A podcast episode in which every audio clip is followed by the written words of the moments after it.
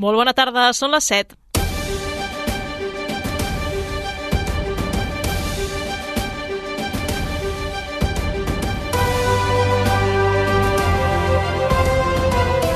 Notícies Vespre. Karen Madrid. La Plataforma per la Llengua acosta el català a les famílies nouvingudes de la zona sud a través de cursos de conversa informals. Júlia Ramon, bona tarda. Bona tarda, Karen. Desenes de famílies han participat en la iniciativa impulsada en sis centres educatius del districte 6è. La tècnica responsable del projecte, Sheila Marín, en fa un bon balanç, sobretot pel que fa a l'escola d'Espronceda. La veritat és que ja fa un parell d'anys que, mm, que estem tenint com un feedback molt bo per part de, de l'escola, en, en aquesta en concret, eh? vull dir, n'hem tingut uh, bueno, molt bon feedback en, en, en general en tots els grups que hem fet, eh? però en el cas de l'Espronceda, um, que és amb el que més temps hem estat, que ha durat tot el curs, i l'any passat ja ho vam fer, uh, molt bona valoració tant per part de l'escola com per part de les famílies que van, van quedar molt contentes L'objectiu de la iniciativa és facilitar el vocabulari del dia a dia a les famílies nouvingudes, una fita que des de Plataforma per la Llengua consideren que s'ha complert. La cultura popular serà un dels pals de paller de la festa major d'aquest any. El tret de sortida serà, per tercer any consecutiu, el seguici festiu, que també tancarà la celebració el dilluns 4 de setembre. Entremig, el Ball del Rodet, el Ball de la Bola, les jornades castelleres, els saballuts i la cercavila popular, la gegantera i la de Diables. Una altra de, la, de les propostes consolidades són els versots, que porten quatre dècades portant la crítica en forma d'humor a la plaça Sant Roc. I en esports, el Centre d'Esports Sabadell incorpora Toni Herrero en fitxa sub-23. El carriler d'esquerra de 22 anys havia acabat contracte amb el Levante i arriba lliure. Aquest fitxatge que ha deixat en un segon terme la derrota d'ahir davant el Badalona Futur. Aquestes i altres notícies les repassem en els pròxims minuts amb el Roger Benet a les vies de so. Notícies Vespre. Tota la informació a Ràdio Sabadell. Els serveis.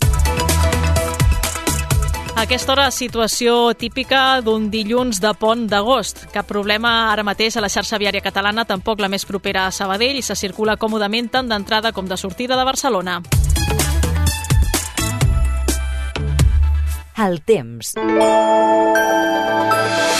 Ara mateix tenim 32 graus a Sabadell, la mateixa temperatura que teníem divendres a aquesta hora. Què hem d'esperar de cara a les pròximes hores i també de cara a demà en aquest festiu de Santa Maria? Li preguntem a l'Ariadna Coromina. Bona tarda. Bon dia. Després d'un matí que ha començat amb alguns xàfecs i tempestes que s'han passejat per l'Alt Pirineu, ràpidament l'ambient assolellat s'ha anat imposant com a la resta del país. Això sí, amb alguns núvols al Camp de Tarragona i al Delta de l'Ebre, que continuen sent força presents i fan la guitza alguns banyistes de Vilanova i la Geltrú, de Cubelles o de Calafell. Uns núvols que durant la tarda, tot i que voldran trencar-se, no ho aconseguiran del tot entre el Baix Camp i el Baix Ebre. A la resta, aquest cel serè, que serà el predominant, amb alguns ruixats febles a mitja tarda entre la Vall d'Aran i l'Alta Ribagorça, tot plegat amb un vent del sud que reforçarà la Costa Brava, enfilant de manera important els termòmetres cap a sectors gironins i deixant una mar més aviat remoguda. En vista aquesta propera matinada, se'n podrà deixar escapar alguna altra gotellada a l'Alt Pirineu, com també a l'extrem sud del país, amb un dimarts més canviant a la costa i mig emblanquinat a l'interior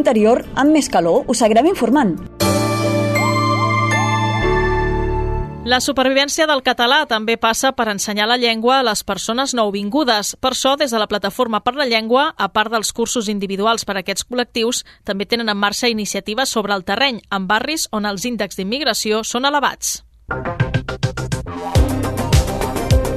Desenes de famílies han participat en l'últim curs en els grups de conversa del districte 6è, realitzats en sis centres educatius del sud de la ciutat. Les escoles Espronceda, Roureda, Tarlatana, Calvet Estrella i la Romànica, així com l'Institut Escola Joan Sallares i Pla, han acollit les sessions. La tècnica responsable del projecte, Sheila Marín, ha apuntat a aquesta emissora quin és l'objectiu d'aquestes trobades de conversa oral. La idea és que serveixi ben bé perquè aquestes famílies, un, es puguin comunicar millor amb l'escola i dos, que puguin eh, doncs, eh, bueno, fer una vida al barri una mica més, més, eh, més fàcil, no? Jo sé, anar a comprar al mercat. Llavors, moltes d'aquestes activitats, eh, a part, diguéssim, de la conversa que sorgeix en el propi grup que es va treballant al llarg del curs, eh, es fan activitats com complementàries en funció també del, dels interessos del grup De fet, el fenomen de les relacions entre les famílies és clau d'aquestes cites. al final és un grup bastant informal, o sigui, no, no és un curs com a tal, sinó que és, és un espai com uh, segur de, de conversa i, i es crea com molta xarxa entre les mares. A més, també s'aposta per activitats creatives per facilitar que les famílies nouvingudes aprenguin el vocabulari que necessiten en el seu dia a dia. Van ser un, un concurs de vocabulari um, amb les famílies i amb els nens. És a dir, barrejant una mica com la feina que fa l'escola amb els nens i, i la nostra feina, diguéssim, amb, amb les famílies. Des de la Plataforma per la Llengua fan una valoració molt positiva d'aquests cursos i ja avancen que de cara al setembre se'n programaran més. Una vintena de bastoners de les colles de Sabadell, Castellvell, el Vilà, Gavà, el Casc Antic de Barcelona, Mollerusa, Lleida i Balaguer han estat aquest cap de setmana a la ciutat per participar a la plec de joves bastoners de Catalunya. L'únic acte obert al públic d'aquesta cita, que ha arribat a la cinquena edició, ha estat una cercavila dissabte a la tarda. Des de plaça Sant Roc, passant pels principals carrers del centre, la cercavila va servir per mostrar uns balls creats específicament per a la plec i que no es ballaven des de fa dos anys. Rubén Ramiro és president de la colla bastonera de Sabadell. Aquests balls no, només es ballen aquí i puntualment a cada territorial balla el seu, però generalment només es ballen aquí tots. I per tant, cada any és com tornar-los a, a, a reaprendre o recordar-los i, i és xulo perquè com que tots ens trobem en la mateixa situació, però tots anem al mateix, no? perquè aquí cadascú té el seu estil, però els balls eh, són una mica una comunió d'estils de, i, i, i per tant eh, és, és, és xulo tornar-los a, a, a recordar i, i, i, i generar debat. No, jo, jo crec que fèiem aquest sota cama, no? jo crec que picàvem a la, a per baix. Um, és, és, és emocionant, la veritat. La plec, però, també va programar altres activitats a porta tancada per estrenyes relacions entre joves bastoners, un objectiu que, segons Ramiro, s'ha complert. Estan molt bé, la veritat. Uh, som poquetes, som unes 20... Hem arribat a ser unes 23, tot i que hi ha gent que ha hagut de marxar. Eh, i la veritat és que la sensació és molt bona. Aquesta activitat eh, sempre és molt xula i molt, i molt agraïda perquè perquè és totalment autoorganitzada, perquè tots som eh, jovent que, òbviament, un, un cap de setmana d'agost eh, has d'estar molt motivat per ser-hi i, per tant, és molt fàcil de, de, de gestionar. Eh, les sensacions són molt bones perquè sempre hi ha molt bon rotllo, molta companyonia, molt treball en equip i, i, i moltes ganes de passar-s'ho bé, per tant, la cosa es fa molt fàcil. La plec de joves bastoners de Catalunya ha suposat una cita més dins d'un estiu amb molta activitat a la colla sabadellenca. De fet, Ramiro assegura que ja estan assajant a bon ritme per estar a punt per a la festa major que no hem parat nosaltres, no, no parem a, a, a l'agost. Generalment sempre hi ha gent a, a, de la colla a l'agost i per tant sempre intentem no portem el ritme habitual, però, però mantenim l'assaig eh, i, anem fent, i anem fent trobades per anar pre preparant-nos per Festa Major, que, que últimament es fa grossa, entre el seguici, la cercavila, l'animalada, el ball del rodet, eh, no parem i per tant doncs, hem de... I, I que tenim molta gent nova cada any i llavors eh, sempre hem de fer eh, assajos per, per, per preparar tothom per Festa Major. De fet, el tret de sortida de la festa major té els bastoners com a protagonistes, amb el ball del rodet i el seguici festiu.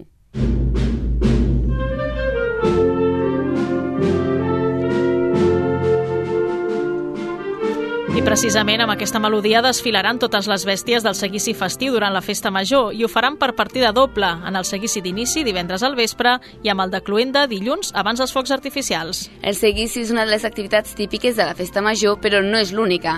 També hi haurà el ball de la bola diumenge a dos quarts de set del vespre a la plaça Sant Roc o el concurs de voltes del Rodet i la seva germana la Bobina divendres a la tarda. I és que la plaça Sant Roc serà un dels escenaris principals d'aquest tipus d'activitats. També s'hi farà el pregó i la jornada castellana castellera de diumenge al migdia.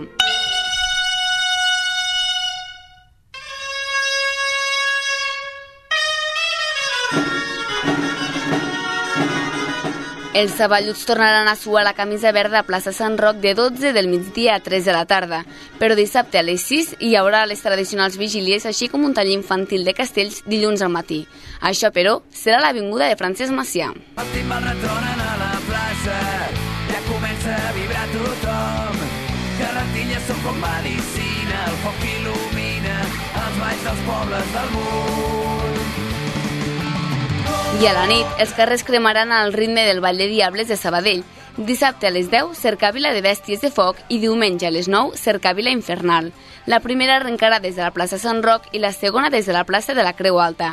Però durant la festa major no tot és alegria, sinó que també hi ha missatges crítics. Els manaires del balcó, tots a casa fent-se palles.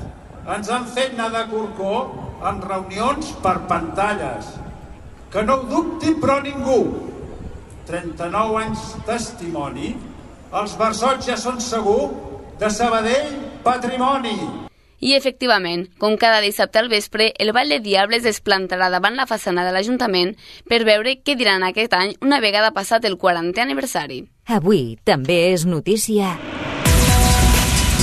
L'aeroport de Sabadell arriba a les prop de 4.400 operacions al juliol, una xifra que suposa un descens de vols del 8,8% respecte al mateix mes de l'any passat. Segons dades facilitades avui per AENA, el nombre de vols també ha baixat si comparem dades el que portem d'any amb els primers 7 mesos del 2022. Concretament, ha descendit un 2,8% amb 28.844 operacions registrades. La reducció de vols també ha anat acompanyada d'una rebaixa de passatgers. El juliol s'ha tancat amb 660 passatgers, un 4,8% menys que l'any passat.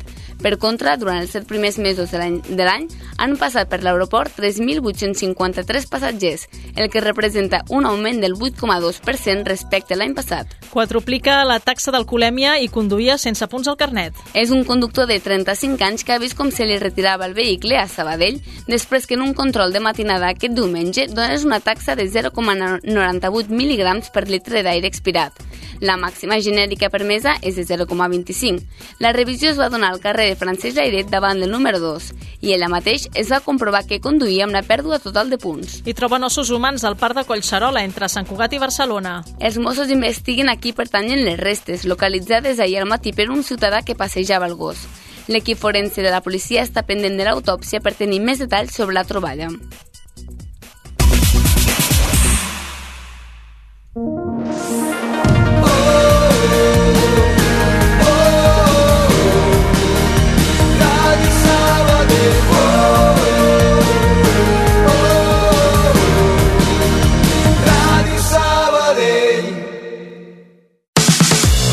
Coneixes l'app de Taximés? Descarrega-te-la i reserva un taxi còmodament des de la nostra app. Més informació a taximesapp.com. Taxi! Ràdio Taxi Sabadell. El teu taxi de referència a Sabadell. Fora de Sabadell i la comarca. L'agència Cananga, contractada pels viatgers atrapats a Etiòpia, desconeixia que es desconsellés viatjar al país africà. El director de l'operador ha assegurat que no tenia constància que el Ministeri d'Afers Exteriors, Unió Europea i Cooperació haguessin emès un avís en aquest sentit. El ministre en funcions d'Afers Exteriors, José Manuel Álvarez, per la seva banda, ha insistit avui que el govern espanyol feia molts mesos que desaconsellava viatjar al nord d'Etiòpia. La vaga de pilots de Ryanair de Brussel·les provoca una vintena de cancel·lacions de vols a l'Estat entre avui i demà. En concret, hi ha sis vols afectats a l'aeroport del Prat i quatre a Girona. També hi ha rutes afectades amb origen o destí a Alacant, Astúries, Castelló, Mallorca, Màlaga i Santander. I el volcà Etna, situat a l'illa de Sicília, entra en erupció i obliga a tancar l'aeroport més proper, el de Catània, a causa de la cendra. S'han cancel·lat totes les operacions en principi fins a les 8 del vespre. També es demana als passatgers que abans de desplaçar-se fins a la instal·lació comprovin l'estat del seu vol i possibles canvis i desviaments, també en les arribades. La clausura de l'aeroport coincideix amb un període període de temporada alta de turisme. Esports.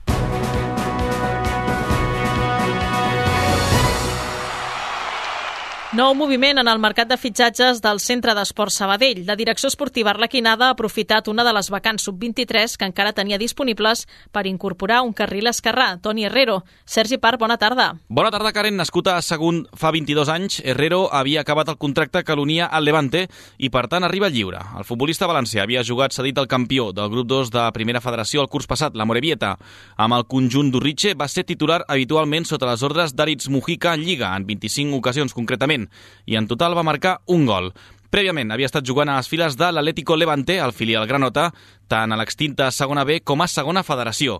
Herrero havia estat també internacional amb la selecció en categories inferiors. Amb la seva arribada i la de Marcos Baselga de fa uns dies, la plantilla del centre d'esports està construïda pràcticament al complet. Si no hi ha cap sorpresa en aquestes darreres setmanes de mercat, l'única cara nova que podria incorporar-se estaria a la zona del mig del camp, també en forma de fitxa sub-23. L'arribada d'Herrero ha servit per deixar en segon pla l'eliminació d'ahir a la Copa Catalunya. El centre d'esports va caure 3 a 2 contra un equip d'inferior categoria, el Badalona Futur.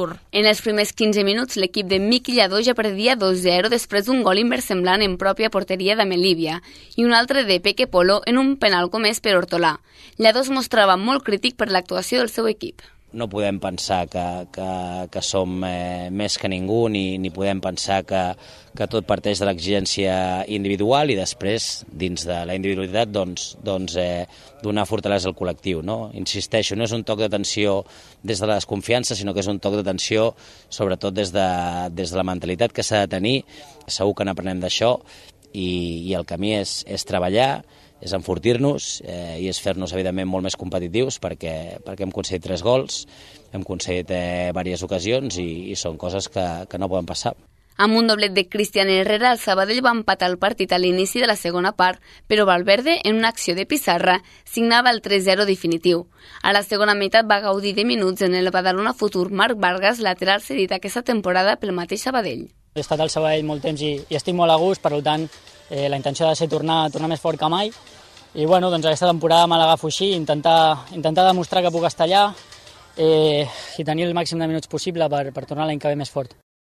El pròxim compromís de pretemporada serà aquest dijous a dos quarts de set de la tarda en el partit de presentació contra l'Ibiza. El duel tindrà lloc a la nova Creu Alta i es podrà seguir en directe al canal de Twitch de Ràdio Sabadell. I a moda d'agenda, l'últim partit abans de començar la Lliga serà falta de confirmació oficial diumenge a la tarda contra el Sant Andreu a Sant Oleguer. D'altra banda, s'han modificat els horaris de les dues primeres jornades de la primera federació. El Sabadell finalment debutarà al camp del Real Unión diumenge 27 d'agost a dos quarts de nou del vespre.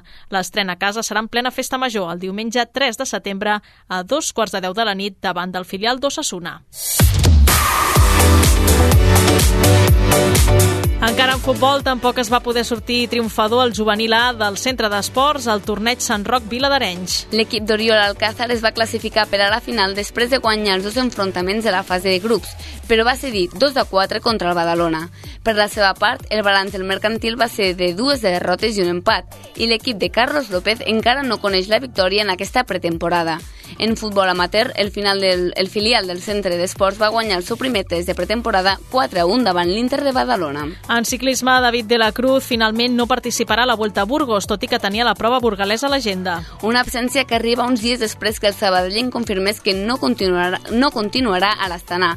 Són declaracions de, de la Cruz a Hacemos la Goma. No lo tengo, no lo tengo decidido, sí que es cierto que, que espero resolverlo en las próximas semanas, pero al final no deja de dar un poquito, pues, bueno, es un factor de estrés extra que, que le pones al cuerpo, ¿no? El estar pensando eh, en dónde puedo, dónde voy a acabar corriendo el año que viene. Pero bueno, también al final uno se intenta abstraer de, todo lo que, de todo lo que pueda, de todo lo que te pueda distraer. A nivel personal yo pienso, bueno, yo me tengo que centrar en, en entrenar, en cuidarme, en llegar a la carrera en la mejor, en la mejor condición posible, en hacer el mejor papel en la carrera y luego el resto pues, pues lo dejo en mano de, de mis representantes. De la Cruz s'havia lesionat per una caiguda al Tour de França, però ja estava recuperat.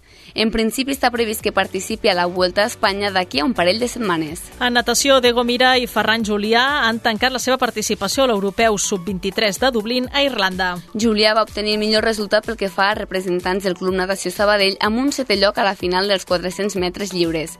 Per la seva part, Mira va nedar quatre proves destacant el 13è lloc al 4% estils i el 15è en els 200 esquena. I en bàsquet, el primer equip masculí del Natació Sabadell ja coneix el calendari de la nova Supercopa. La nova màxima categoria de bàsquet català, que constarà d'un únic grup de 14 equips, arrencarà el cap de setmana del 23 i 24 de setembre.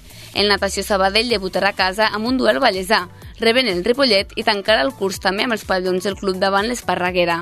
El campió de la Lliga ascendirà a EVA directament i perdrà en categoria com a mínim els quatre últims classificats. Gràcies, Júlia. Bona tarda. Bona tarda, Karen.